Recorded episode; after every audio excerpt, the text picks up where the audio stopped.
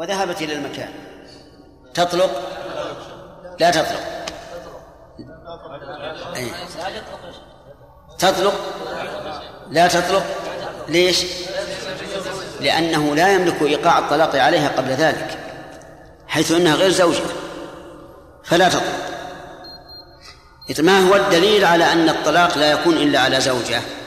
الدليل قول الله تبارك وتعالى يا أيها الذين آمنوا إذا نكحتم المؤمنات إيش؟ ثم طلقتموه بعد النكاح. قبل النكاح لا يمكن. هذا هذا واحد. ثانيا أن الطلاق. أن الطلاق يعني إطلاق قيد قد موجود. والمرأة قبل أن يتزوجها ما في مطلقة ما في قيد. حتى يوقع الطلاق عليها. وعلى هذا فلو كان للإنسان زوجة. زوجة معه. ثم ثارت عليه. ثارت. وقالت يا فلان سمعت أنك تريد أن تتزوج فلانة. تعرفون المرأة ما ما تحب أن زوجها يتزوج عليها قال أبدا ما عندي نية ولا شيء. قال أنا ما أسمح لأنك تقول لي الآن إن تزوجتها فهي طالق. فقال لها إن تزوجتها فهي طالق. وتزوجها. تطلق ولا لا تطلق؟ نعم. ما تطلق؟ ليش؟ لأن هذا التعليق قبل أن تتزوج بها مع أنه معينة فحصل بذلك إرضاء الزوجة. أي الزوجات؟ الأولى التي غضبت وثارت. فيقول الحمد لله اطمئني. إن تزوجتها فهي طالق. فتزوجها فإنها لا تطلق. لكن لو ثارت الأولى عليه لما قال إنها ما تطلق قالت ما يمكن أنت قال لي هل يلزمه أن يطلقها؟ لا يلزم. لأن الأصل أن الزوجة الأولى لا تملك منعه من التزوج. فلا فلا فلا تجبره على ذلك ولا حق لها أيضا أن تطلب الطلاق إن لم يطلق الزوجة الجديدة والله أعلم. نعم. مسألة. إيش؟ الشارح هنا قال وإن قال أنت طالق ثلاثا على سائر المذاهب. وقعت الثلاثة نعم. إذا قال طالق على سائر المذاهب. نعم. إلى أن القول بأنه ما يقع إلا ثلاث إلا واحدة ما هو مذهب. كل المذاهب الأربعة يقولون إن الطلاق الثلاث يقع ثلاثا فهمت؟ أما فهمت؟ إذا قال الرجل لزوجته أنت طالق ثلاثا كم يقع الطلاق؟ ثلاث. على كل المذاهب. مذهب أحمد الشافعي مالك أبي حنيفة. أما شيخ الإسلام رحمه الله لا يعتبر مذهب قوله مذهبا لأن المذاهب إنما هي للأئمة.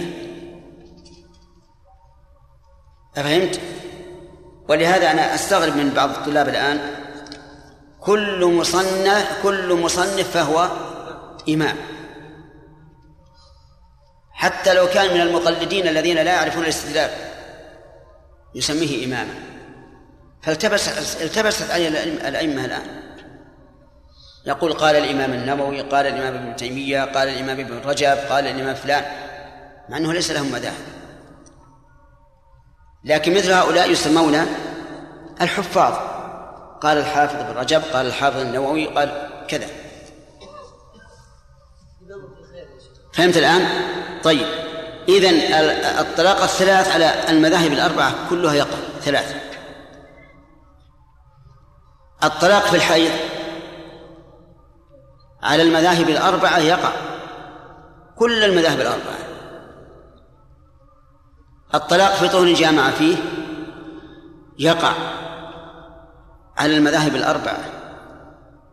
الطلاق المعلق على شرط ولو قصد به اليمين يقع. على المذاهب الأربعة. وأقول لكم هذا لأجل أن لا نتساهل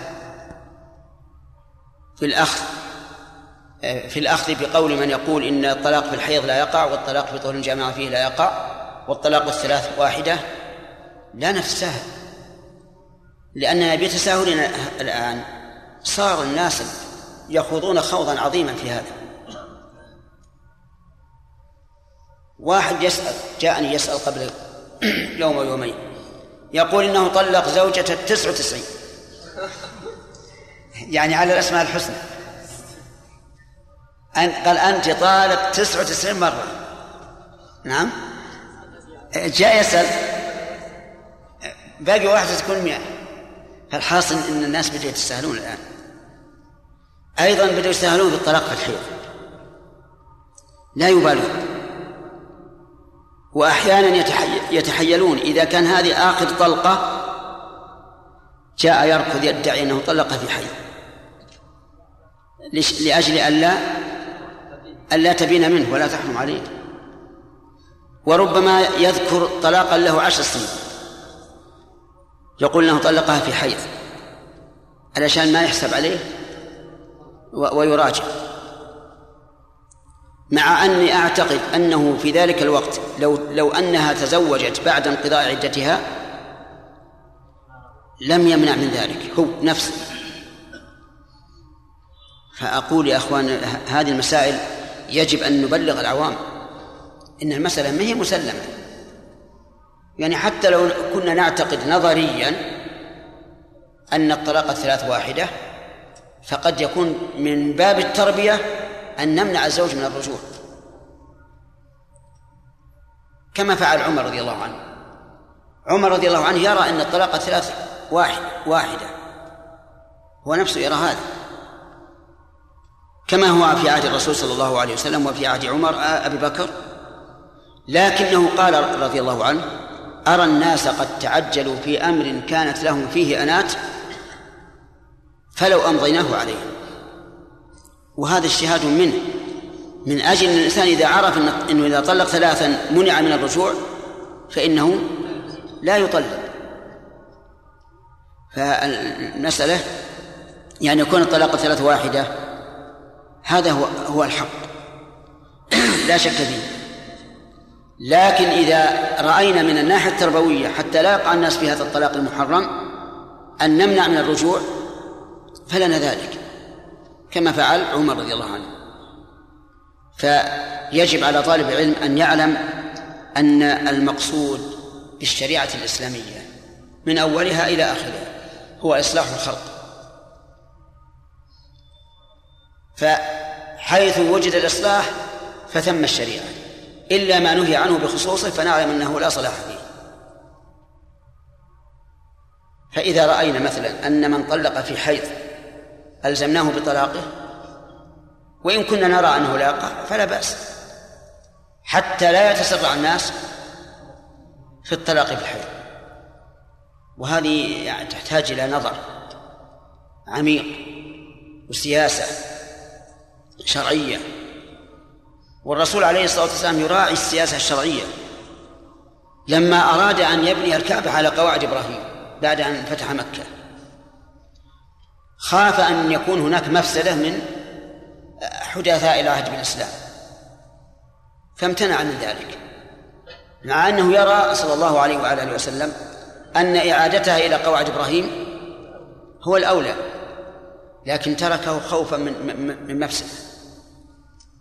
فهذه يعني مسائل تحتاج إلى عمق وتحتاج أن الإنسان ينظر في المصالح.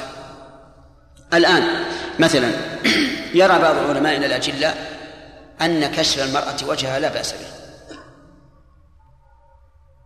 لا بأس به بناء على اجتهاداته. والناس ملتزمون في أن يغطوا وجوها أن تغطي النساء وجوهها. ماشيين على هذا هل من الحكمة أن ينشر هذا الرأي؟ نعم. لا ليس من الحكمة. ما دام الناس ملتزمين على أمر لا تراه أنت حراما ليس ليس ليس ليس لك أن تنشر شيئا يخالفه. أنت بنفسك ترى أن الأفضل تغطية الوجه. فلماذا تنشر وتجادل وتجمع أدلة ملفقة غير صحيحة؟ تدل على أن كشف الوجه ليس بواجب. هل الناس تركوا واجبا إذا غطوا إذا غطت النساء وجوهها؟ لا ما تركوا واجبا. بل ترى بل فعلوا ما هو الأفضل في حق في حقهم عندك أنت. فكيف تفتح لهم باب التساهل؟ ومثل هذه المسائل كثيرة. كثيرة.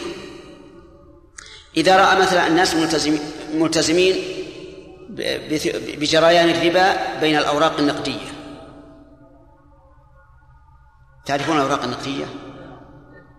أي الفلوس بعض الناس يقول ما في ربا. أبدل دولارا بعملة سعودية بتفاضل وتأخير قبض وكل شيء. ما فيها شيء. يرى هذا. نحن لا ننكر عليه رأيه النظري لكن هل من الأوفق أن ينشره بين الناس حتى يتساهلوا في أمر التزموا به؟ نعم. لأنه لو نشر هذا المذهب لا رفعت البنوك راياتها إلى الثريا لأن عمل البنوك الآن على هذا الرأي عمل شرعي صحيح. صحيح. لأنهم يقولون ما فيه ربا أصلا ما فيه ربا في الأوراق. فلنا أن نتعامل بتفاضل وبتأخير قبض وبكل شيء. لكن هذا القول لا شك أنه أنه قول خطأ. يعني خطأ من الناحية التربوية ومن الناحية النظرية. حتى لو قلنا إنه صواب فلا فلا يسوغ لنا أن أن نفتي الناس به بخلافه أي بأنه يجوز التفاضل والتأخير. فالمهم يا أخواني أنتم إن شاء الله طلبة علم مقبلين على خير. انتبهوا لهذه النقطة. وهي تربية الناس على الأصلح. تربيتهم على الأصلح حتى يتبين. جابر بن عبد الله رضي الله عنه حضره قوم فقام وصلى بإزاره وأعلى بدن مكشوف ورداؤه معلق في المشجر ما هو بعيد. وأيما أفضل؟ أن يصلي بردائه أو أو بعدمه. الأول بلا شك. حتى أن النبي صلى الله عليه وسلم قال لا يصلي أحدكم في ثوب واحد ليس على عاتقه منه شيء. وهو يعلم هذا. ولذلك لما صلى بإزاره أنكر عليه واحد. قال كيف تفعل هذا؟ قال فعلت هذا ليراه أحمق مثلك. كيف تنكر عليه شيئا لا بأس به؟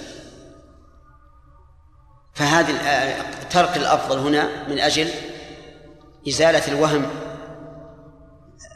هذه السياسة الشرعية. فانتبهوا لهذا أوصيكم بها.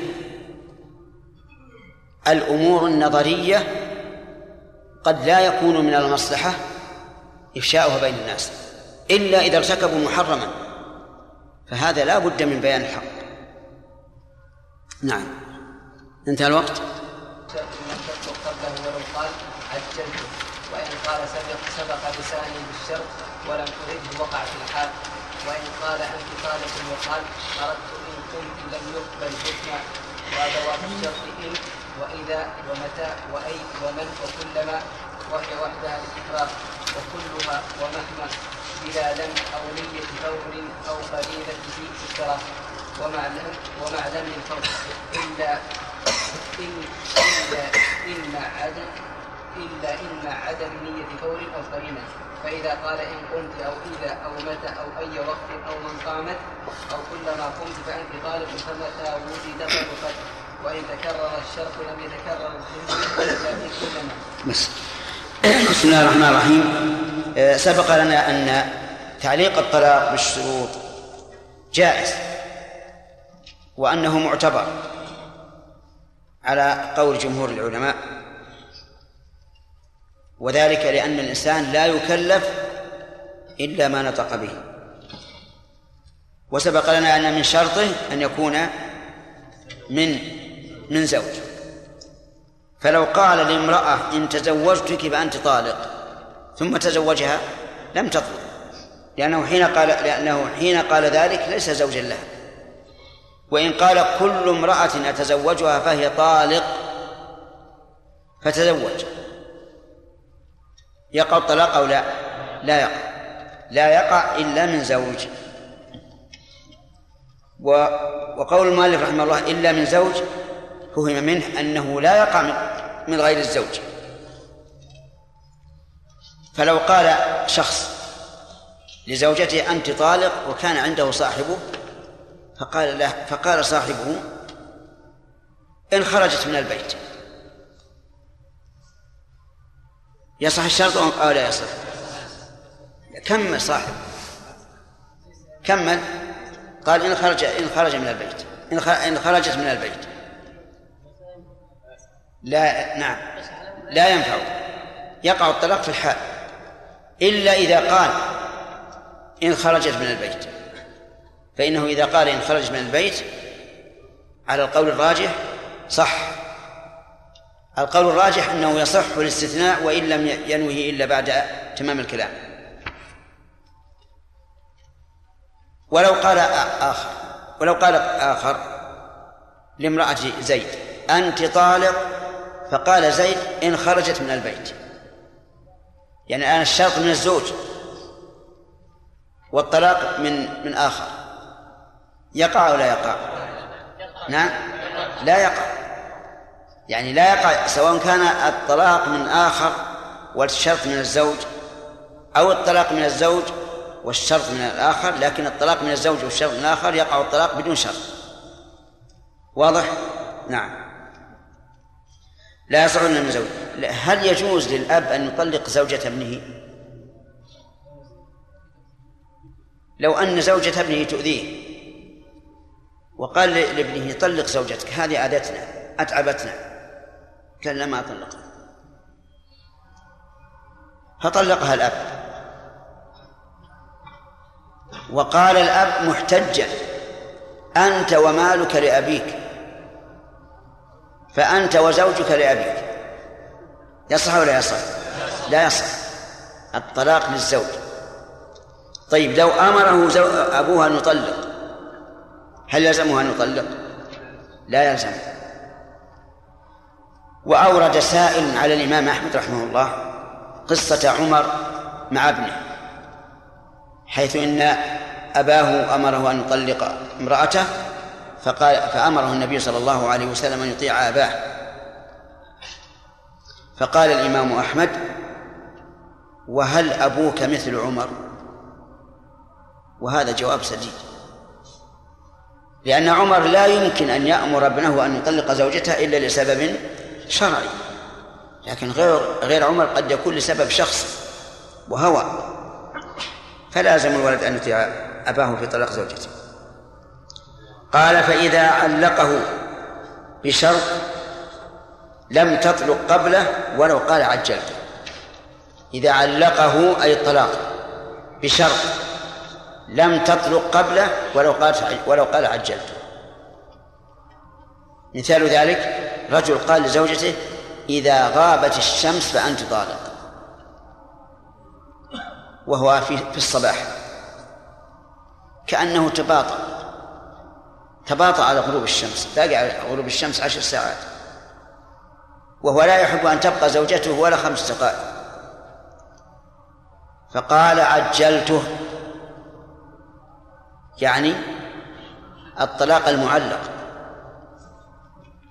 فإنها لا تطلق لماذا؟ لأن الطلاق صدر منه على وجه التعليق فلا يمكن أن يكون منجزا لكن لو أراد أن يطلق طلاقا جديدا غير الأول يصح ولا يصح؟ يصح يصح وحينئذ إذا غابت الشمس والطلاق رجعي تطلق.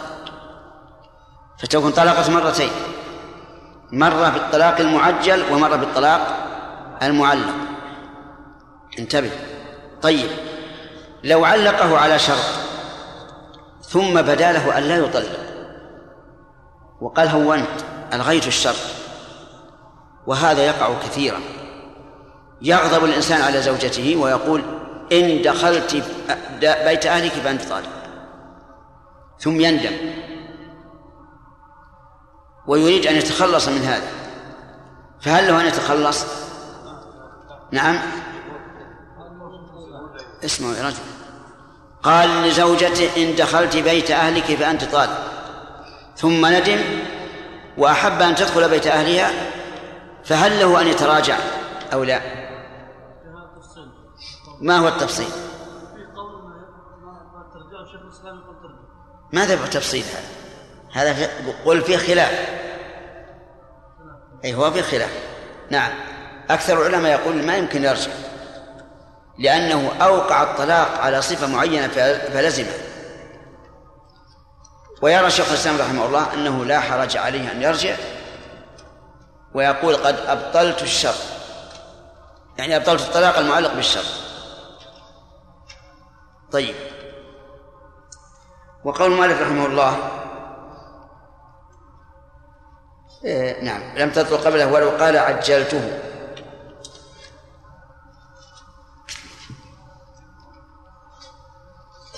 وإن قال سبق لساني بالشرط ولم أرده نقبل منها ولا نقبل؟ نقبل لأنه أقر على نفسه بما هو أضر. قال إن لساني سبق بالشرط وأنا ما أردته يعني أنه غلط سبقة لسان. نقول الآن أقررت على نفسك بما هو أغلط فنلزمك بما أقررت به. ويقع في الحال. مثال ذلك رجل قال لزوجتي أنت طالق إن دخلت الدار. ثم قال إن كلمة إن دخلت الدار سبق لساني بها وأنا ما أردتها. ماذا نقول له؟ نقول الآن انطلقت. ما أحتاج تدخل الدار أو ما تدخل. تعليل ذلك أنه أقر على نفسه إيش؟ بما هو أغلظ فقبل منه. طيب. وإن قال سبق لساني بالشرط ولم ولم أرد طلقت في الحال. وإن قال أنت طالق لزوجته وقال أردت إن قمت لم يقبل حكما. هذه عكس المسألة الأولى. الأولى أبطل الشرط الموجود. والثاني ادعى شرطا محذوفا. قال لزوجتي أنت طالق. قالت الحمد لله بس خلاص انتهى ما بيني وبينك. قال لا أردت إن قمت. يقبل أو لا يقبل؟ لا. إن قلنا لا يقبل غلط. إن قلنا يقبل غلط. نقول هذا يدين فيما بينه وبين الله. نعم. هو يقول الآن يدعي. يقول, يقول إنه إنه أراد هذا. يعني أراد أنه إن قامت. أراد الشرط. يقول مالك لم يقبل حكما. يعني بمعنى أنهما إذا ترافعا إلى الحاكم فإن الحاكم لا يقبل لا يقبل منه. لماذا؟ أخذا بظاهر كلامه. والنبي صلى الله عليه وعلى آله وسلم قال إنما أقضي بنحو ما أسمع. والذي سمع من هذا الرجل الطلاق الذي المنجس غير معلم فلا يقبل. لكن لو أن المرأة قد وثقت من زوجها وعلمت أنه صادق أنه أراد بقوله أنت طالق إن قمت. فلها أن تصدقه. بل يجب عليها أن تصدقه إذا كان ثقة في في نفسه.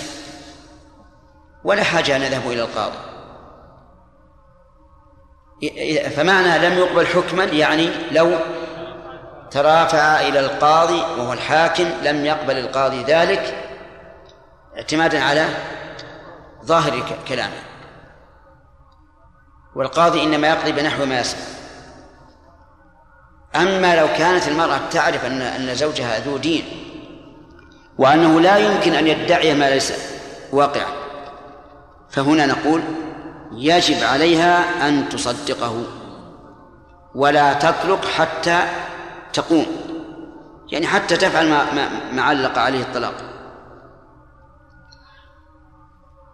فإن غلب على ظنها أنه كاذب.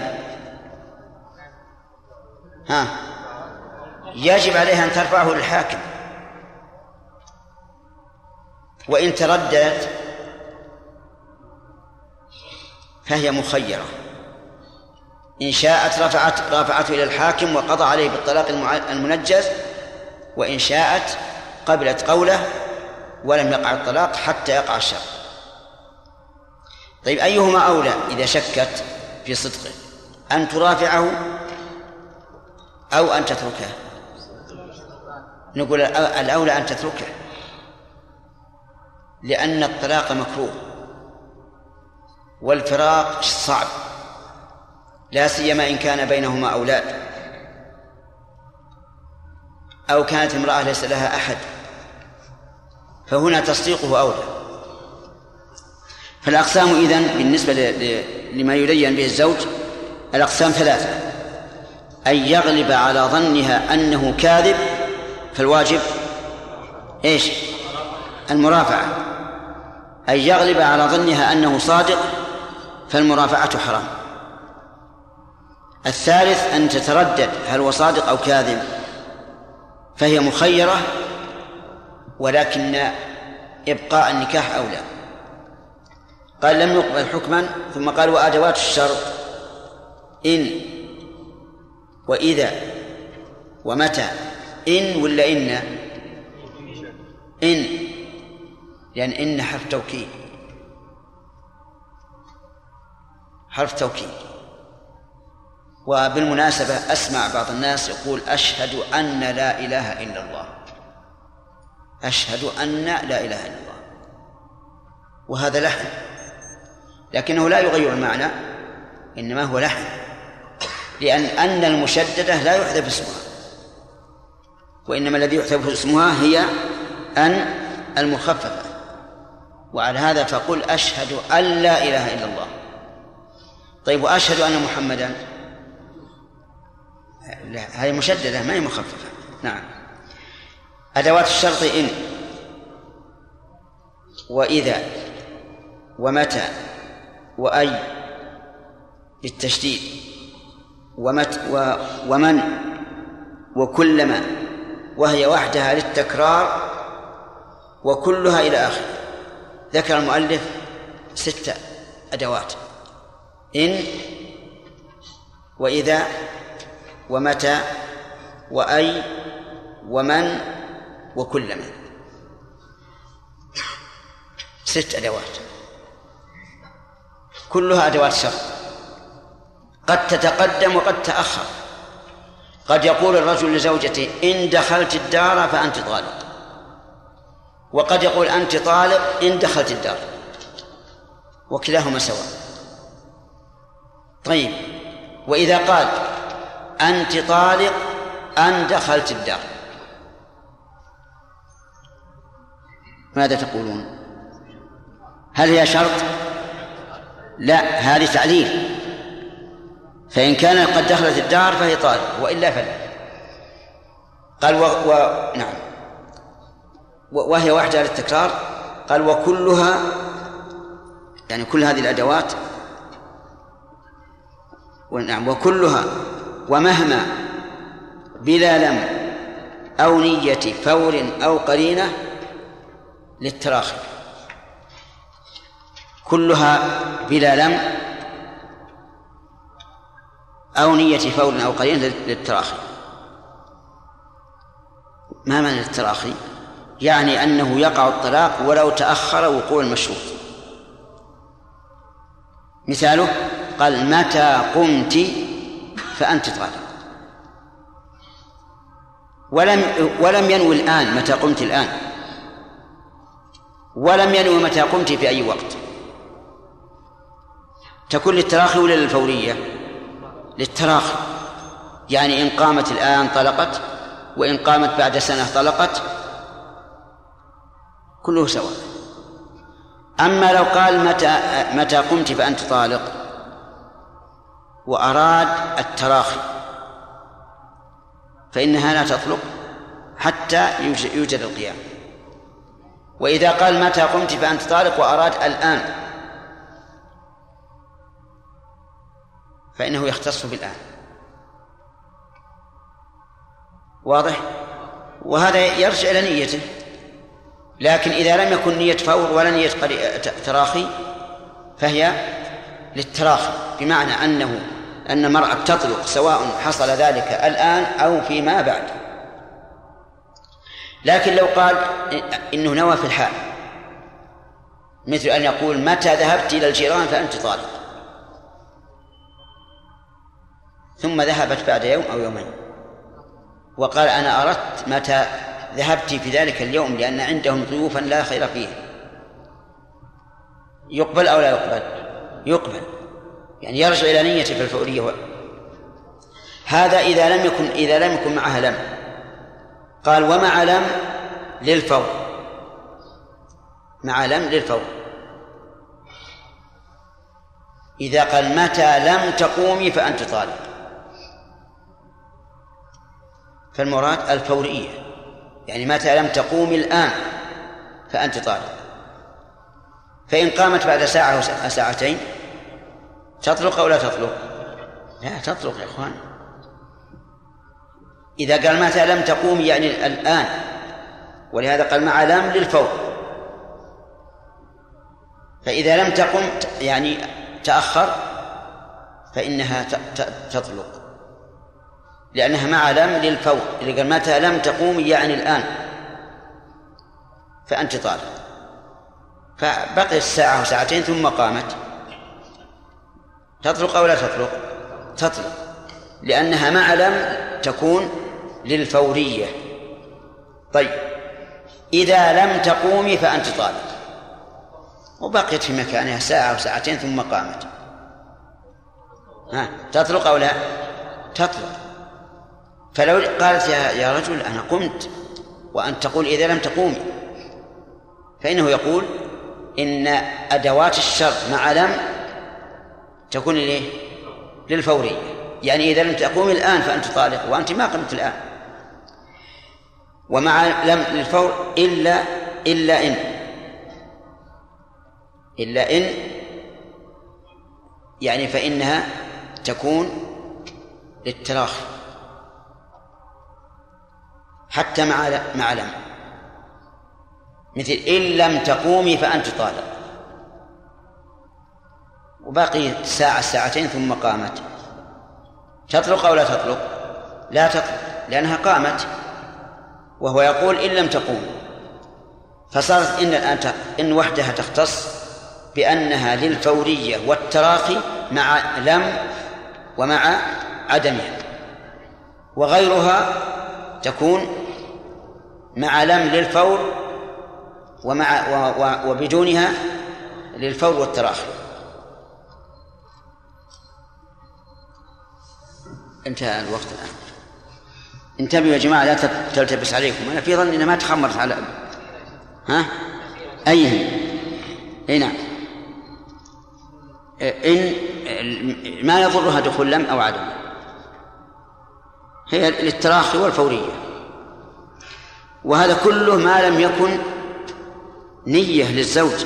إن كان نية للزوج فالعمل على نيته. ولهذا كله يقيدها مع عدم نية فور أو قليلة. نعم. إيش؟ إيش؟ إيه. ها؟ السماء الدرس الماضي اي صعدت السماء نعم. يطلق تطلق فورا نعم. لكن اذا قصد في السماء السقف فعل نيته. فعل نيته. لأن لأن السماء تصلح لكل عالي كل عالي فهو سماء. نعم. قال يا شيخ طالق أقصد لامرأتي آه، طلق يا شيخ الحمل. آه. يعني أنت أنت تطلقين. نعم. يعني فيها طلق الحمل. أو طالق يعني ما ما قيد الناس بالحبل. نعم له نية على نيته. يعمل يا شيخ إي نعم يعمل بقوله إلا عند الترافع للحاكم. يعني إذا إذا ترافعوا للحاكم للقاضي وجب عليه أن يحكم بالظاهر. لقول النبي صلى الله عليه وسلم إنما أقضي بنحو ما أسمع. إن تكرر الشرط لم يتكرر الحنث يعني إن فعلت ما علق عليه الطلاق مرتين أو ثلاثة. لم تطلق إلا مرة واحدة الأولى. وقول لم يتكرر الحنث أي لم يتكرر الطلاق. فإذا قال إن قمت فأنت طالق فقامت. طلقت. ثم قامت. عجيب. لا تطلق. لأنه لم يتكرر إذا لا, يتكرر الحنث إلا في كلما لأن كلما للتكرار. فإذا تكرر الشرط في كلما تكرر الحنث. كلما قمت فأنت طالب. فقامت تطلق. ثم قامت أخرى تطلق. ثم قامت ثالثة تطلق. ثم قامت رابعة. آه. لا تطلق. زين لأنه انتهى العدد ثم قال و... و... وإذا قال إن لم أطلقك فأنت طالق ولم ينوي وقتا ولم يتقم قرينة بفور ولم يطلقها طلقت في آخر حياة أولهما موتا. نعم. إذا قال إن لم أطلقك فأنت طالق. إن نوى الآن. إن نوى الآن. فإنه إذا لم يطلقها إذا مضى زمن يمكن أن يطلقها فيه ولم يطلقها طلقت. إذا إذا لم ينوي لكن هناك قرينة تدل على أنه إن لم يطلقها فورا فأنت طالق قلنا إذا لم يطلقها فورا فإنها تطلق. وإذا لم يكن هذا ولا هذا يقول طلقت في آخر حياة أولهما موتا. تطلق في آخر حياة أولهما موتا. كيف؟ نعم. لأن في إن مات الزوج تكون طلقت قبل أن يموت بثانية. إن لم إن ماتت هي تكون طلقت قبل أن تموت بثانية. كذا في آخر حياة أولهما موتا. وذلك لأنه إذا مات الزوج فلا طلاق. فلا بد أن أن تطلق قبل موته. إن ماتت هي الزوجة فلا طلاق أيضا فلا بد إذن أن تطلق قبل أن تموت. ففي هذه الحال تطلق في آخر حياة أولهما موتا. لكن الغالب أن الإنسان ما يقول هكذا إلا للفور هذا الغالب. قال إن لم غضب عليه وقال إن لم فأنت طالق. فالغالب أنه يريد إيه؟ إن لم الآن. فأنت طالق فنقول إذا مضى زمن يمكن إيقاع الطلاق فيه ولم يفعل طلقت وإذا قال متى؟ أو إذا لم إذا لم أو إذا لم أو أي وقت لم أطلقك أو كلما لم أطلقك فأنت طالق؟ لا. آه نعم. ولم يفعل طلقت متى تطلق؟ إذا مضى زمن يمكن أن يقول أنت طالق. فإنها تطلق أما إذا قال كلما لم أطلقك فأنت طالق؟ ومضى ما يمكن إيقاع ثلاث مرتبة فيه طلقت المدخول بها ثلاثا وتبين غيرها بالأولى. لماذا؟ لأن كلما تفيد التكرار. فإذا قال كلما لم أطلقك فأنت طالق؟ وسكت زمنا يمكن آه نعم. يقول فأنت طالق إيش؟ نعم. ومضى مضى زمن يمكن أن يقول أنت طالق أنت طالق أنت طالق. يقول فإنها إن كانت مدخولا بها طلقت ثلاثة تطلق بالأولى ثم تكون رجعية فتطلق بالثانية ثم تكون رجعية فتطلق في الثالثة أما إذا كان لم يدخل بها فإنها تطلق أول مرة ثم لا تطلق ثانية لأنها إذا طلقها أول مرة حصل الفراق وليس لها عدة حتى نقول يمكن أن يلحقها أن يلحقها طلاقه. فتبين غير المدخول بها بأول مرة ولا يلحقه طلاقها في الثاني. ولهذا قال المؤلف رحمه الله طلقت المدخول بها ثلاثا وتبين غيرها بالأولى. ثم قال وإن قمت فقعدت. أو ثم قعدت. أو إن قعدت إذا قمت. لم تطلق حتى تقوم ثم تقعد. اسم. إن قمت فقعدت. فأنت طالب أيهما الأول؟ القيام. فلا تطلق حتى تقوم ثم تقعد فإن قعدت قبل أن تقوم لم تطلق لأنه رتب الطلاق على قعود بعد قيام. أو ثم قعدت نفس الشيء لأن ثم تفيد الترتيب. أو قال إن قعدت إذا قمت. أنت طالق إن قعدت إذا قمت. فقعدت بدون قيام. تطلق ولا لا؟ يعني هو قال وهي نائمة. مضطجعة. قال أنت طالق إن قعدت إذا قمت. قعدت. من الاضطجاع وجلست. تطلق خلاص كأنه يقول تطلق ما تطلق ها؟ متأكد؟ طيب. قامت ثم قعدت. تطلق. مع أنك الآن إذا إذا تأملت إن قعدت إذا قمت أين المتأخر؟ لفظا؟ نعم. القيام. لكن القعود معلق بالقيام حيث قال إذا قمت.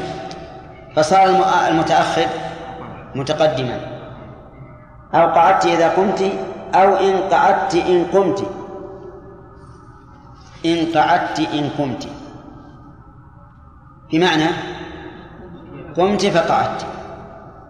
ما تطلق حتى تقوم ثم تقعد.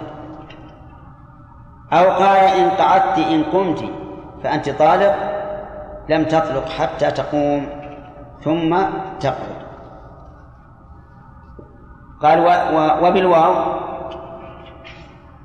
يعني إن قمت وقعدت تطلق بوجودهما. لو قال أنت طالق إن قمت وقعدت. ما قال ثم. وليس هناك دليل على أنه يريد الترتيب. فنقول تطلق إذا قامت وقعدت. إذا قامت وقعدت. قال إن قعدت وقمت. تطلق إذا قامت وقعدت. سواء بدأت بالقيام أولا أو أو بالقعود. ولهذا قال تطلق وبالواو أنت طالق إن قمت وقعدت إن قمت وقعدت تطلق بوجودهما أي القيام والقعود ولو غير مرتبا وبالواو ونعم وبأو بأن قال إن قمت أو قعدت بوجود أحدهما.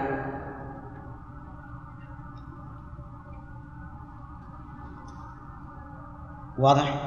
أو آه، لأحد الشيئين. فإذا قال أنت طالق إن قمت أو قعدت طلقت إن قامت وطلقت إن قعدت. عندي مسألة في في الشرح نذكرها لأنها غريبة. يقول إن علق الطلاق على صفات فاجتمعت في عين. طلق الطلاق علق الطلاق على صفات واجتمعت في عين. مثل أن يقول إن رأيت رجلا فأنت طالق. إن رأيت أسود فأنت طالق إن رأيت فقيها فأنت طالق كم من صفة؟ ثلاث. الرجولة والسواد والفقه.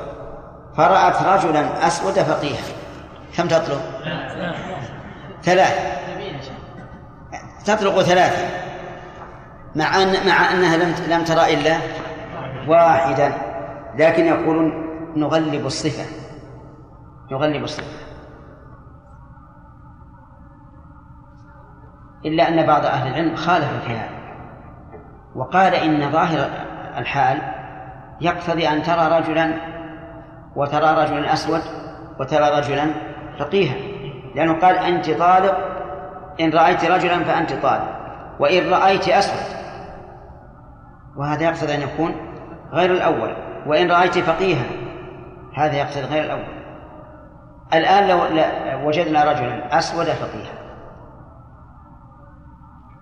يعني يبعد جدا أنها أنه أراد آه، الصفات دون الأعيان. ولهذا خالف بعض العلماء فقال لا تطلق حتى ترى رجلا ثم ترى أسود ولو غير رجل ثم ترى فقيها ولو ولو غير رجل. نعم.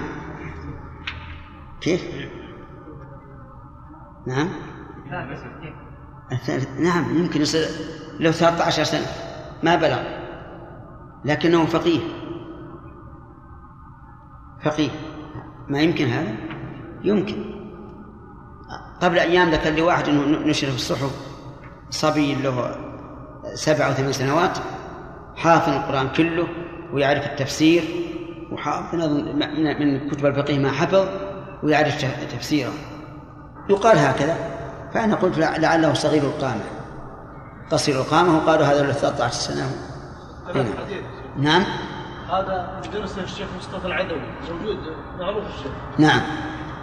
في مصر ويخطب عمره 11 سنة. إيه هل يخطب؟ تكتب له يخطب. يحفظ 6000 حديث. وكم له 11 سنة شيخ. عجيب. قابل الشيخ عبد العزيز بن باز. حث الشيخ على يعني أن يمر على حلقات القرآن حتى يقتدون به وكذا إيه. على كل حال ما ندري هو في العام الماضي أو قبل العام جاءني ولد صغير وحاطين عليه مشلة وحاطين عليه عقال ولبس السعودية. صغير. وقالوا هذا حافظ صحيح البخاري. هو صغير يمكن له سبع ثمان سنين الظاهر. حافظ القرآن وحافظ صحيح البخاري. ومحت... يعني محتفين بالحيل ثلاثة أربعة من الناس. يمرون به على هذا. فأنا قلت لا لا تفعل. لا تفعل. لا تمر به على أحد. إن فعلتم هذا سيغتر بنفسه وأنتم الآن لبستوه لباس الملوك. خلوا يبقى على ما هو أما كونكم تمرون به على الناس فأولا بعض الناس ما هم مصدق ثم كونه يغتر بنفسه بعد محنة هذه تضرون أنتم أكثر. ولعله مستجاب إن شاء الله. على كل حال أن كلامنا على مسألة الطلاق.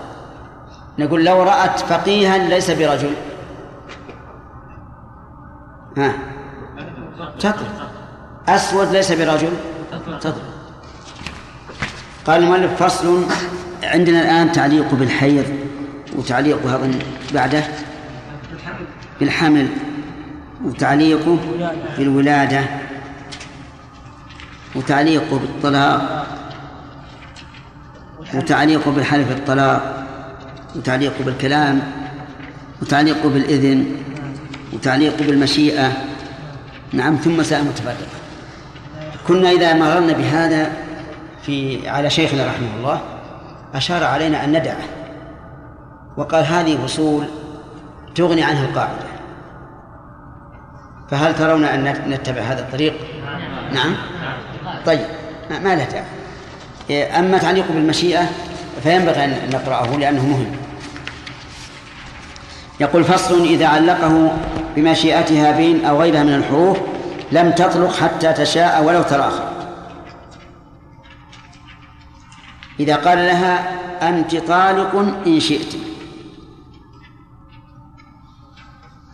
فلم تشاء إلا متراخية. نقول تطلق. تطلق.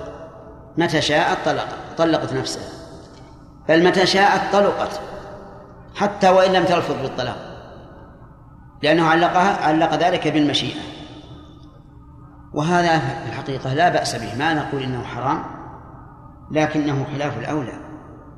لأنه إذا علقه بالمشيئة لو تزعل المرأة على على زوجها نعم بأدنى شيء. قالت طلقتك بالثلاث. نعم. هذا هو المعلوم. هو المعلوم. في الغالب لذلك لا ينبغي أن أن تجعل الطلاق الذي هو من أخطر الأمور معلقا بمشيئة امرأة ناقصة العقل والدين. نعم إذا رأيت هناك سببا يقتضي أن تعلقه بمشيئتها مثل أن تراها متبرمة تعبانة من من الحياة معك تقول يا بنت الحلال أنت لا, لا لست مكرهة. متى شئت طلقي نفسك. فهذه قد نقول انها إنه غرض صحيح. والمقصود بالعلم هو التربية دون معرفة الأحكام. كون نقول علق طلاق امرأتك بمشيئتها ونحن لا ندري عنها هذا لا ينبغي لا شك فيه. أما إذا كان الرجل رأى سببا وقال يا بنت الحلال إذا كنت مالة أو كنت لا تريد البقاء معي فما تأتي طلقي نفسك. هذا لا بأس به. والله أعلم. نعم.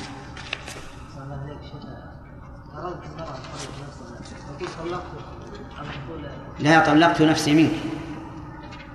ما يمكن تقول طلقتك نعم. فإن قالت قد شئت إن شئت فشاء فشاء لم تطلق.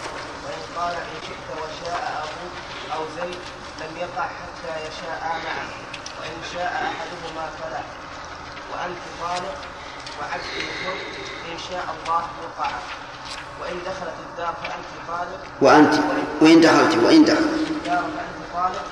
إن شاء الله طلقت إن دخلت إن دخلت. وأنت طالق لرضا زيد أو لمشيئته طلقت في الحال. فإن قال أردت الشرط قبل قبل حكمه. وأنت طالق إن رأيت الهلال فإن نوى فإن نوى رؤيتها لم تطلق حتى تراه أو طلقت بعد الخروج برؤيته. وإلا وإلا طلقت. وإلا طلقت بعد الخروج برؤيته برؤية غيرها. بسم الله الرحمن الرحيم. قال المؤلف رحمه الله تعالى في تعليق الطلاق بالشروط وقد مضى الكلام على ذلك وذكرنا أن من العلماء من يقول إن تعليق الطلاق بالشروط لاغي. لأن الطلاق لا يكون إلا منجزا. وبينا أن هذا القول ضعيف لكن التعليق بالشروط ينقسم إلى قسمين إما أن يكون محضا وإما أن يراد به معنى اليمين. فإن كان محضا فإنها تطلق بمجرد وجود الشرط. مثال المحض إذا طلعت الشمس فأنت طالق. فهذا تعليق محض. متى طلعت متى طلعت الشمس؟ طلقت. وهذا لا أظن أحد يختلف فيه ممن قال إن الشرط في الطلاق صحيح. والثاني أن يريد معنى اليمين وهو المنع أو الحث أو التصديق أو التكذيب. فمن العلماء من ألحقه بالأول. وقال إنها تطلق بمجرد وقوعه. ومن العلماء من قال إن حكمه حكم حكم اليمين. ما لم يرد الطلاق. مثال ذلك إذا قال إن كلمت زيدا فزوجتي طالق. هذا يحتمل أنه أراد إيش؟ مجرد الشر وعلى هذا تطلق بمجرد أن تكلم زيدا ويحتمل أنه أراد أن لا تكلم زيدا ولم يرد الطلاق وزوجته عنده غالية لكن أراد أن لا تكلم زيدا فقال إن كلمت زيدا فأنت طالق. فمن العلماء من ألحقه بالأول أي بالشرط المحض وقال إنها تطلق وهذا هو الذي عليه جمهور أهل العلم. ومن العلماء من قال إذا نوى بذلك معنى اليمين فإنه يمين فإذا حصل الشرط فعليه كفارة اليمين. وهذا هو اختيار شيخ الإسلام ابن تيمية رحمه الله. أفهمتم؟ ثم أعلم أن هذا تارة يظهر فيه أنه أراد اليمين. وتارة يظهر فيه أنه أراد الطلاق. وتارة نشك. فمن فمن الأشياء التي يظهر فيها أنه أراد اليمين إذا قال إن كلمت زيدا فزوجتي طالق فهنا يظهر أنه أراد إيش؟ أراد اليمين لأنه ما له على زوجته ما لها علاقة في الموضوع فهنا يظهر أنه أراد اليمين. فنفتيه بمجرد أن يسألنا نقول كفر كفارة يمين إذا كنا نرى هذا. وتارة يظهر أنه أراد الطلاق. مثل أن يقول لزوجته إن شاهدت الدش فأنت طالق. هذا يظهر منها أنه أراد أنها إذا تدنت إلى هذه الحال فإنها لا تصلح أن تكون امرأة له. فهذا يظهر على يغلب على ظننا أنه أراد الطلاق. فإذا استفتانا عن هذه المسألة وقال إنه قال لزوجته إن نظرت إلى الدش فأنت طالق قلنا طلقت امرأته. وتارة يحتمل هذا وهذا مثل أن يقول لزوجته إن لبست هذا الثوب فأنت طالق. فهذا يحتمل أنه أراد اليمين أو أراد الطلاق. فهنا لا لا, لا نفتيه حتى نسأله نقول ماذا أردت؟ وفي المسألة التي قلنا نحكم عليه بأنها تطلق لو قال لم أرد الطلاق وطلاقها أكره إلي من مشاهدتها الدش. قلنا إذن هذا حكم إيش؟ حكم اليمين. لأننا نعلم أنه إنما. إنما علق الطلاق على ذلك لأنه يكرهه لا لأنه يكرهه هي. وهذه مسائل دقيقة يجب على المفتي أن يتحرى فيها تماما. ولو قال قائل إنه إذا كثر استعمالها في الناس فإننا نجريها عليهم على أنها طلاق. لو قال قائل لم يكن ذلك بعيدا. من باب التربية وعدم التسرع في هذا في الطلاق. واقتداء بأمير المؤمنين عمر رضي الله عنه حيث منع الناس رجوعهم إلى زوجاتهم إذا طلقوا ثلاثا لئلا يتتايعوا فيه. الآن نبدأ بهذا الفصل. وهذه الأخير اللي قلته من الأخير هذه هي أصول تعليق الطلاق بالشروط. وأنا أحب من طلاب العلم أن يرجعوا إلى الأصول. لأن المسائل الجزئية مسائل تطير وينساها الإنسان. لكن إذا رزقه الله عز وجل التأصيل وفهم الأصول وتنزيل المسائل المسائل الجزئية عليها فهذا هو الراسخ في العلم. يقول إذا علقه بمشيئتها بإن أو غيرها من الحروف لم تطلق حتى تشاء ولو تراخى. مثل أن يقول أنت طالق إن شئت. أنت طالق إن شئت. فمتى شاءت؟ طلقت سواء في الحال أو بعد مدة. ولهذا قال طلقت لم تطلق حتى تشاء ولو تراخى. طيب لو قال عجلت الشر عجلت الطلاق وألغيت الشر تطلق أو لا؟ لا. لا ما سبق لنا يا أخوان. لم تطلق قبله ولو قال عجلت. أما لو أراد طلاقا جديدا غير الأول فهو حر. وهل يملك أن أن يعزلها؟ إذا قال أنت طالق إن شئت ثم قال هونت. لا ليس له ذلك. كما أنه ليس له أن يلغي الطلاق المعلق. أما لو قال وكلتك في طلاق نفسك ثم عزلها فله ذلك. لأن الموكل له أن يعزل الوكيل. لكن مسألتنا ما فيها توكيل. فيها أنت طالق إن شئت فقال شئت. انتهى الموضوع. طيب. لم تطلق حتى تشاء ولا تراخى فإن قالت قد شئت إن شئت فشاء لم تطلق. لما قال أنت طالق إن شئت قالت قد شئت إن شئت. نعم لم تطلق. لماذا؟ لأنه علقه على مشيئتها. علقه مشيئتها هي. فلا يصح أن تردها فتقول قد شئت إن شئت. فيبقى الشرط معلقا كما كان. وإن قال إن شئت وشاء أبوك أو زيد يعني إن شئت وشاء زيد لم يقع حتى يشاء معا. أيضا قال تحبون تحبين أن أطلقك؟ قالت نعم. قال إن شئت وشاء أبوك فأنت طالق فشاءت هي وأبى الأب. ما تطلق؟ ما تطلق. شاء الأب ولم تشأ لي. لا تطلق. لأنه علقه على مشيئة الاثنين. طيب قال إن شئت وشاء القاضي. فشاءت ولم يشاء القاضي. نعم. شاء القاضي ولم تشاء لم تطلق. نعم. فأنا وضعت القاضي بدل قوله زيد.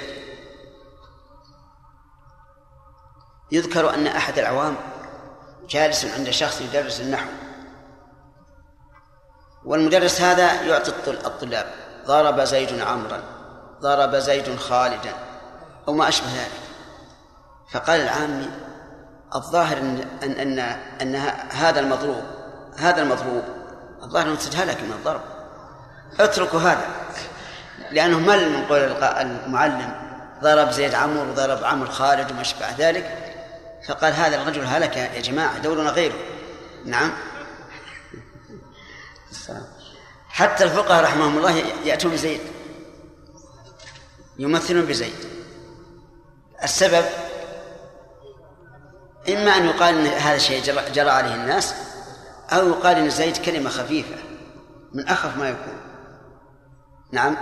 زيد وعمر دائما هو الذي يمثل به.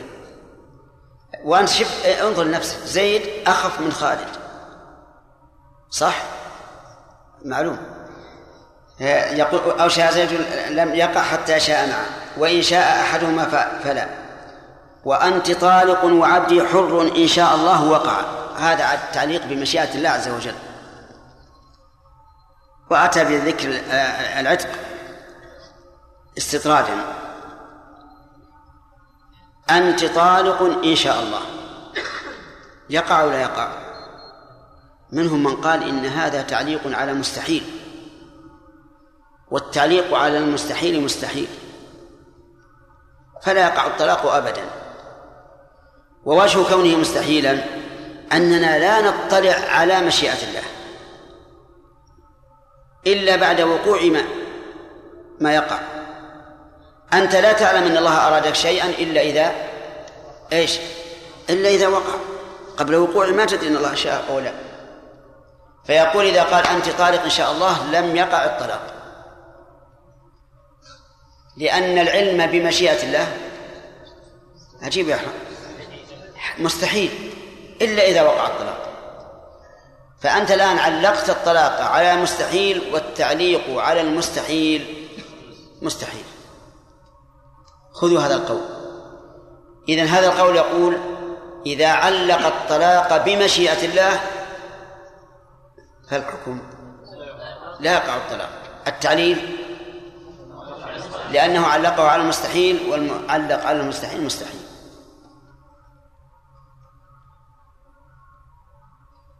ومنهم من قال إنه إذا قال أنت طالق إن شاء الله وقع الطلاق بكل حال. وقع الطلاق بكل حال. لأنه لما قال أنت طالق علمنا أن الله قد شاء. إذ أن الإنسان لا يتكلم إلا بمشيئة الله. فإذا قال أنت طالق إن شاء الله قلنا قد شاء الله أن تطلق. من, من أين علمنا أن الله شاء ذلك؟ إيش؟ من وقوع من قوله أنت طالق ونحن نعلم أن الله تعالى إذا إذا وقع الفعل من العبد فإن مقتضاه لا بد منه. القولان الآن إيش؟ متقابلان تماما. الأول يقول لا يقع الطلاق مطلقا. والثاني يقول يقع في الحال. يقع في الحال. لأن مجرد قوله أنت طالق كلمة إذا قالها الإنسان وقع بها الطلاق فإذا قالها قلنا إن الله قد شاء. ما أدري واضح ولا غير واضح؟ واضح. القول الثالث الوسط. يقول إن أراد بقوله أنت أنت طالق إن شاء الله إن أراد بقوله إن شاء الله أي إن شاء الله أن تطلقي بهذا بهذا القول. فإن الطلاق يقع. لأننا نعلم أن الله تعالى يشاء الشيء إذا وجد سببه وإن أراد إن شاء بقوله إن شاء الله أي في طلاق مستقبل. فإنه لا يقع الطلاق حتى يوقع الطلاق مرة ثانية. أفهمتم يا جماعة؟ فهمتم القول الثالث المت... لا إله إلا الله. التفصيل. يقول إن أراد بقوله إن شاء الله أي إن شاء الله أن تطلقي. بهذا الكلام. ها؟ فإنها تطلق لأنه, لأنه قال أنت طالق. وإن أراد أنت طالق إن شاء الله يعني إن كان الله أراد أن تطلقي وجد السبب فتطلقين يعني في المستقبل. فهذه لا تطلق إلا إذا وقع منه الطلاق في المستقبل.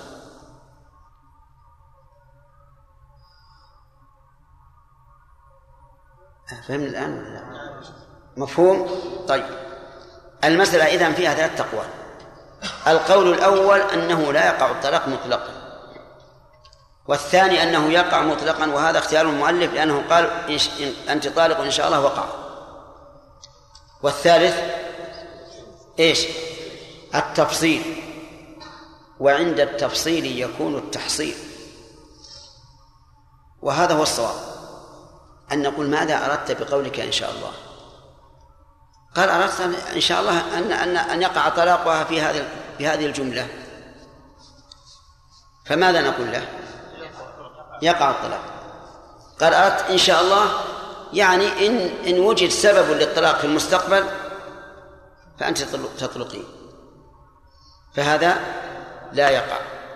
وهذا وهذا هو الصواب. فإن قال أردت التبرك ما أردت التعليق أردت التبرك. مثل قوله في الحديث وإنا إن شاء الله بكم لاحقون. يعني أهل المقابر. ونحن لاحقون بهم قطعا. فقيل إن المراد التبرك وفيها خلاف لكن المهم أن أحد الأقوال فيها أن المراد التبرك فإذا قال فإذا قال أردت التبرك يقع ولا ما يقع؟ ها؟ يقع يقع نعم لكن هل في هذا بركة بالنسبة للمرأة؟ نعم قد يكون وقد لا يكون لكن نقول إرادة إرادة التبرك معناها التحقيق. لأن المريد للتبرك أراد أن يتحقق الأمر ببركة الله عز وجل.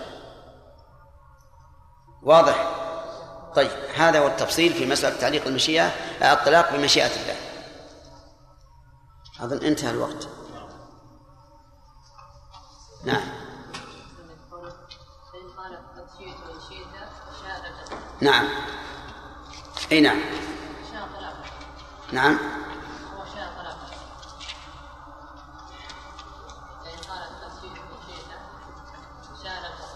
نعم. أي ظهر كلام ولو شاء طلاقه يقول لأن أصل تعليقه تعليق على أمر يبطل تعليقه إياه تعليقه. لأنه إذا قال قد شئت وإن شئت لو أراد أن مشيئته هو بنفسه لم يقل لها إن شئت.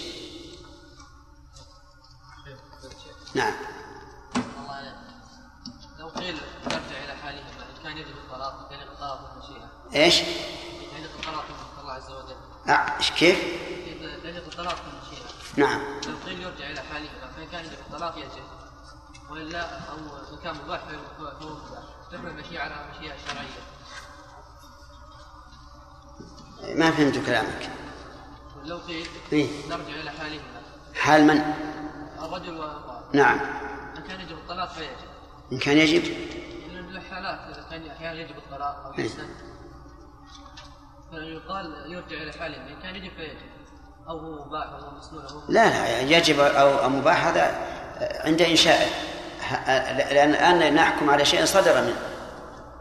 أما ما ذكرت فهذا عند الإنشاء. أقصد الشيخ نقول نحمل المشيئة على المشيئة الشرعية. لا. لا غالبا المشيئة ما فيها مشيئة شرعية. وهذه مسألة مهمة. الذي الذي تنقسم إلى إلى شرعية كونية هي الإرادة. أما المشيئة فهي مشيئة كونية فقط. نعم. لو علق الطلاق بمشيئتها لو علق الطلاق بمشيئتها فهل لها أن ترد ذلك؟ لا تقبل إيه معلوم. لا تشاء ولا, ولا عليها. أقول لا تشاء. تبقى غير شاء. وأحسن له إذا قال إن شاء أنت طالق إن شئتي ستكون إن زعلت عليه. نعم. شاءت الطلاق وخلاص تطلق لكن إذا طلقت أول مرة وراجعها ثم شاءت الطلاق تطلق ولا لا؟ ها؟ لا تطلق إلا في إلا في كلما لأن كلما للتكرار. نعم. شيخ عفوا قوله يعني أنت طالق أنت طالق إن إن شئت. فقالت يعني آه، آه، شئت إن شئت. فقال طبعا. ها؟ فقال شئت. حتى فقال شئت أي يقول ه- هذا سؤال الله. يقولون هذا لا يصح لأنه لو أراد مشيئته بنفسه ما علقوا على مشيئته. ها؟ نعم. صحيح. هذا هو. يقول إذا كان ردته إلى مشيئته فهذا معلوم من, أصل الطلاق بمشيئة من؟ مشيئة الرجل. وهذا معناه إلغاء مشيئته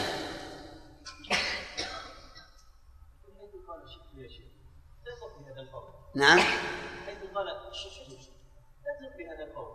إيه ما تطلق لأن هي معلقته على مشيئته. وهو كان بالأول معلقه على مشيئته. وإذا كان يريد مشيئتها فإن مشيئته تلغى. فردها إلى مشيئته معناها التناقض. على كل حال التعليل ما هو إلا ذاك يعني ما هو بين جدا ليس بين جدا. وأن شاء الله يا محمد اسمك؟ يا محمد. إذا تزوجت فقلت لزوجتك هذا وجدنا حل المشكلة إن شاء الله. ها؟ لا تقولها؟ نعم تعلق بغير مشيئة الزوج تعليق آخر بشرط آخر. تطلب؟ مثل مثل؟ قال شئت إن ضربتني. ها؟ شئت إن ضربتني. إي. هذا يمكن ان أن نقول يصح. لانها لم تعلق بالمشيئة. علقته على فعل منه.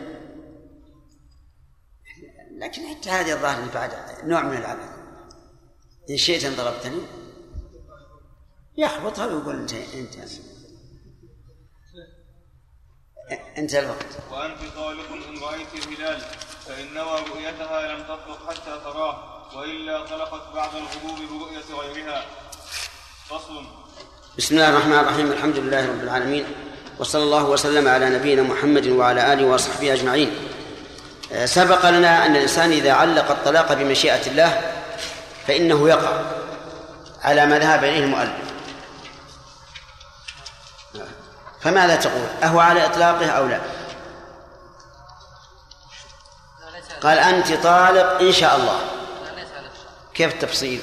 التفصيل كان يريد أخبار عن المستقبل سيطلق طلق يقع مستقبل. نعم. وإلا فلا يقع. لا المسلم وقع.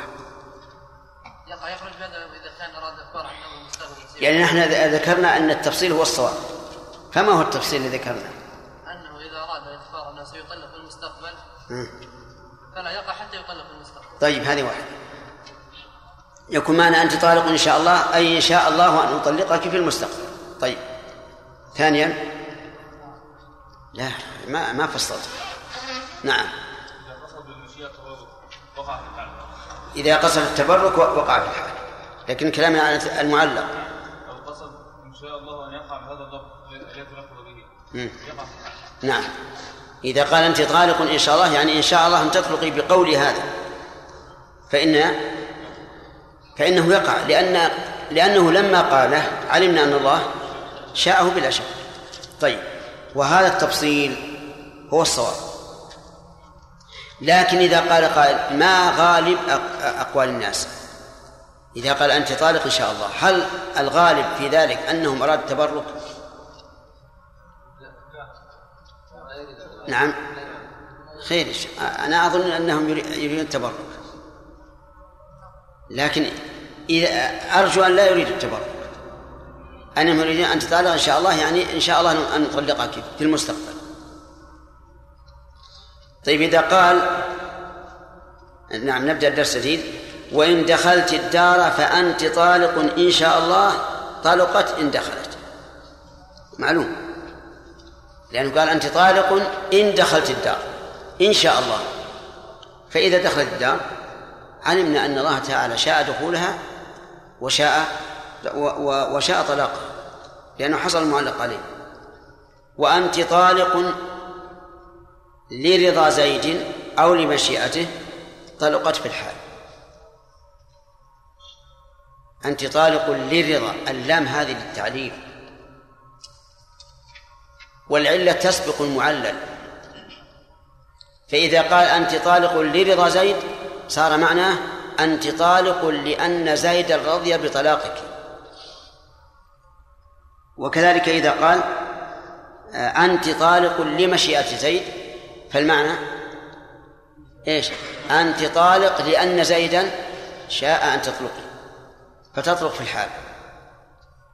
فإن قال أردت الشرط يعني أردت بقولي أنت طالق لرضا زيد أنت طالق إن رضي زيد. يقول فإنه يقبل حكما. قبل حكما. أو يدين. يقول مالك يقبل حكما. يعني حتى لو رفع الأمر للقاضي وقال الزوج إني أردت بذلك الشرط وجب على القاضي أن أن يقبل قوله. لأن قوله محتمل غاية الاحتمال. الكلام يحتمل بلا شك. أنت طالق لرضا زيد يعني إن رضي زيد. أنت طالق لمشيئته يعني إن شاء. فلذلك نقول إذا قال أنت طالق لرضا زيد إن أراد الشرط لم تطلق حتى يرضى زيد. وإن لم يرد الشرط طلقت في الحال. وجه ذلك أن العلة تسبق المعلول. فكان رضا زيد سابقا على طلاقه. وإن قال أردت الشرط قبل حكما. حكم معناه عند الحاكم إذا ترافع أما إذا لم يترافع وصدقت فلا حاجة فلا حاجة ترافع وأنت طالق إن رأيت الهلال فإن نوى رؤيتها لم تطلق حتى تراه وإلا طلقت بعد الغروب برؤية غيرها. أنت طالق إن رأيت الهلال. ما ظاهر اللفظ؟ أنه إن رأته هي بنفسها فلا تطلق حتى إيش؟ حتى تراه. فإن رآه غيرها لم تطلق وعلى هذا فإذا كان نظرها قاصرا لا ترى الهلال إلا في الليلة الرابعة. متى تطلق؟ نعم. في الليلة الرابعة. أما إذا أراد بقوله رأيت الهلال يعني إن ثبت دخول الشهر. فإنها تطلق برؤية غيرها ويذكر أن أمير المؤمنين عمر رضي الله عنه جعل الناس يتراءون الهلال ولكنه لم يراه هو ما رآه فجعلوا يقولون هو هذا يا أمير المؤمنين هذا هذا. قال إني سأراه وأنا على فراشي. متى؟ متى يراه على فراشه؟ لا إله إلا الله. متى يا ناس؟ إذا ارتفع الهلال يراه وهو على فراشه ما يحتاج أن يتراءاه مع الناس. نعم وهذا دين على على حلمه رحمه الله وأن الإنسان لا ينبغي أن يستعجل الشيء. إن لم يأتي إلى الشيء فالشيء يأتي إليه. طيب. فصل وإن حلف لا يدخل داره أو لا يخرج منها فأد- فأدخل أو أخرج بعض جسده أو دخل باب الطاق أو آه نعم أو دخل طاق الباب إلى آخره يقول لم يحنث. قال والله لا أدخل دار فلان. فوقف عند الباب وأصغى بظهره فهل يحنث أو لا؟ ليش؟ لأنه ما دخل. الدخول يعتبر بالقدمين مع الجسد. وأما هذا فلا يقال إنه دخل. ول- ولذلك كان النبي صلى الله عليه وعلى آله وسلم يخرج رأسه لعائشة ترجله وهو معتكف. وهذا شيء لا يجوز أن لو كان خروجا ما جاز للمعتكف. إذا المعتكف لا يجوز أن يخرج من اعتكافه من أجل أن يصلح رأسه. كذلك إذا حلف أن لا يخرج منها. قال والله ما أخرج من هذا البيت إلا إذا أذن الظهر. فقرع الباب عليه أحد. ففتح الباب وأصغى بظهره ينظر هل يكون يحنث أو لا يحنث؟ ليش؟ لأنه لم يخرج. طيب. أو دخل طاق الباب لم يحنث. أو لا يلبس ثوبا من غزلها فلبس ثوبا فيه منه من غزلها. المرأة تغزل الثياب. فيما سبق فيما سبق النساء يغزلن الثياب. حلف قال والله ما ألبس ثوبا من غزل هذه المرأة. فلبس ثوبا فيه من غزلها. فإنه لا يحنث لأن هذا الثوب لم يتمحض من غزلها إذ أنه مخلوط بغزل امرأة أخرى. واضح يا جماعة؟ طيب آه، يقول أو لا يشرب ماء هذا هذا الإناء فشرب بعضه لم يحنث. قال والله لا أشرب ماء هذا الإناء. ماء هذا الإناء الإناء فيه ثلاثة أرباع. فشرب ربعه فإنه لا يحنث لأنه حلف أن لا يشرب ماء هذا الإناء. فإن قال أردت أن لا أشرب منه. نعم. فإنه يحنث كما لو قال لشخص والله ما آكل من طعامك. لا آكل طعامك ولا لست منه. لا آكل طعامك. فأكل منه. جاء له بخبز تمر لحم وأكل. يحنث أو لا يحنث؟ نعم. وش وش القرينة تدل على أنه لا يأكل كل طعامه اللي بالبيت؟ لا. لا ما هو معقول نعم. يعني لا آكل شيئا من طعامك بخلاف ماء هذا الإناء لأن ماء هذا الإناء يمكن أن يشربه جميعا. أفهمتم؟ حتى لو قال والله لا أشرب ماء هذا النهر. وروي منه. يحنث أو لا يحنث؟ لا لا يا شيخ يقول والله لا أشرب ماء هذا النهر.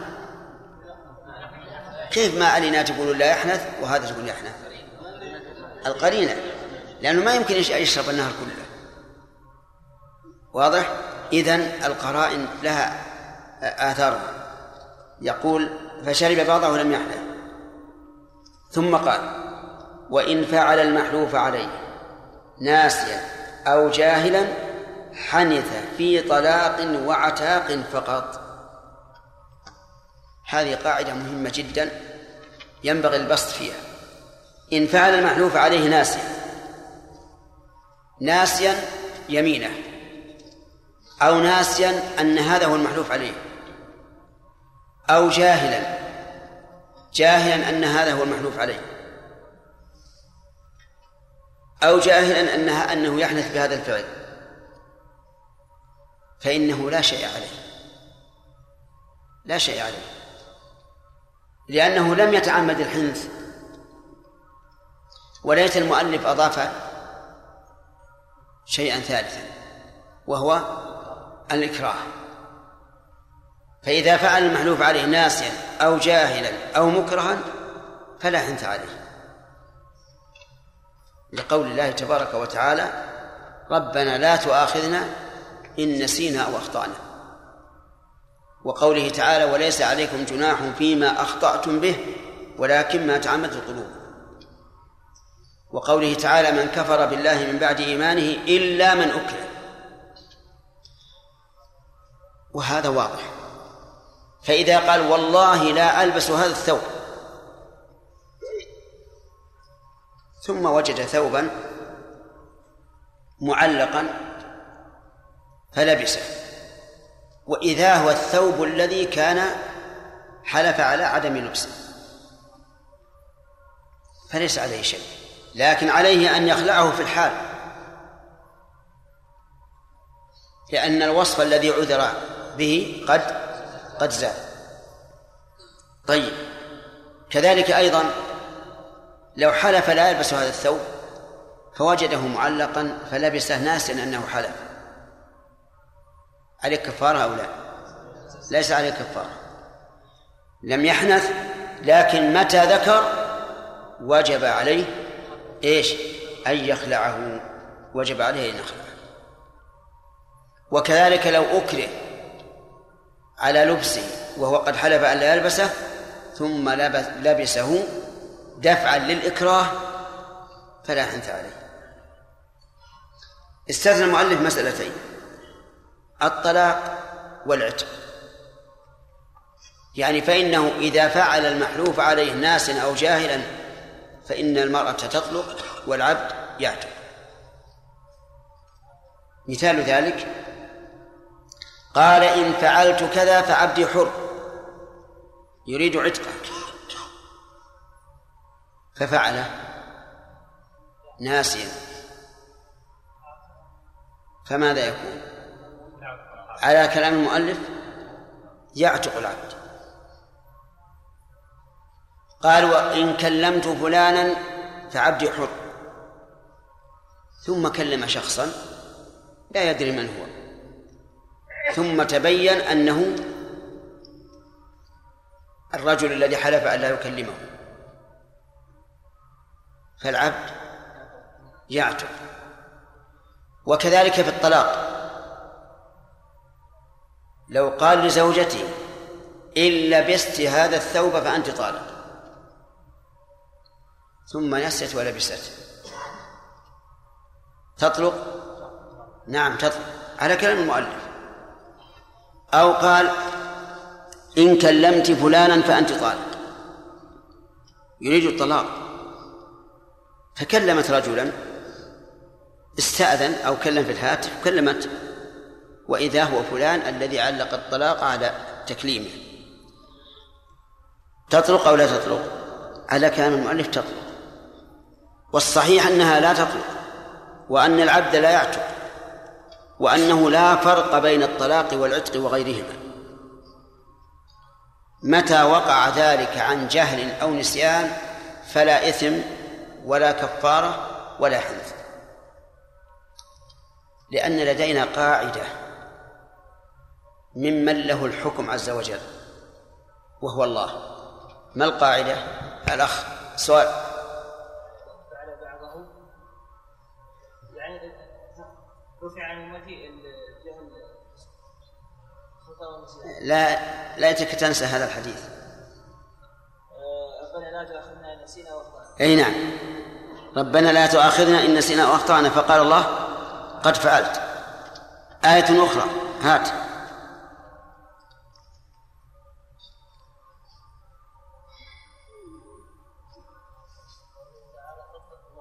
خطأ. نعم. أي نعم. وليس عليكم في جناح فيما أخطأتم به ولكن ما تعمدت القلوب حتى اليمين إذا إذا حلف الإنسان وهو لم يعقدها بقلبه لم, لم تكن شيئا. قال الله تعالى لا يؤاخذكم الله باللغو في أيمانكم ولكن يؤاخذكم بما عقدتم الأيمان. المهم أن من فعل شيئا محلوفا عليه من طلاق أو عتق أو غيرها أو غيرهما ناسيا أو جاهلا أو مكرها إيش؟ فلا شيء عليه. هذا هو القول الراجح وهو الذي تقتضيه الأدلة وهو مقتضى تيسير الشريعة وتسهيلها وإن فعل بعضه لم يحنث إلا أن ينويه. إن فعل بعض المحلوف عليه فإنه لا يحنث إلا أن ينويه. فإذا قال والله لا آكل هذه الخبزة فأكل بعضها. إيش؟ لا شيء عليه. ليش؟ لأنه ما أكلها أكل البعض. إلا إذا أراد بقوله لا آكلها أي لا آكل منها. فإنه يحنث. نعم. وإن حلف لا يفعلنه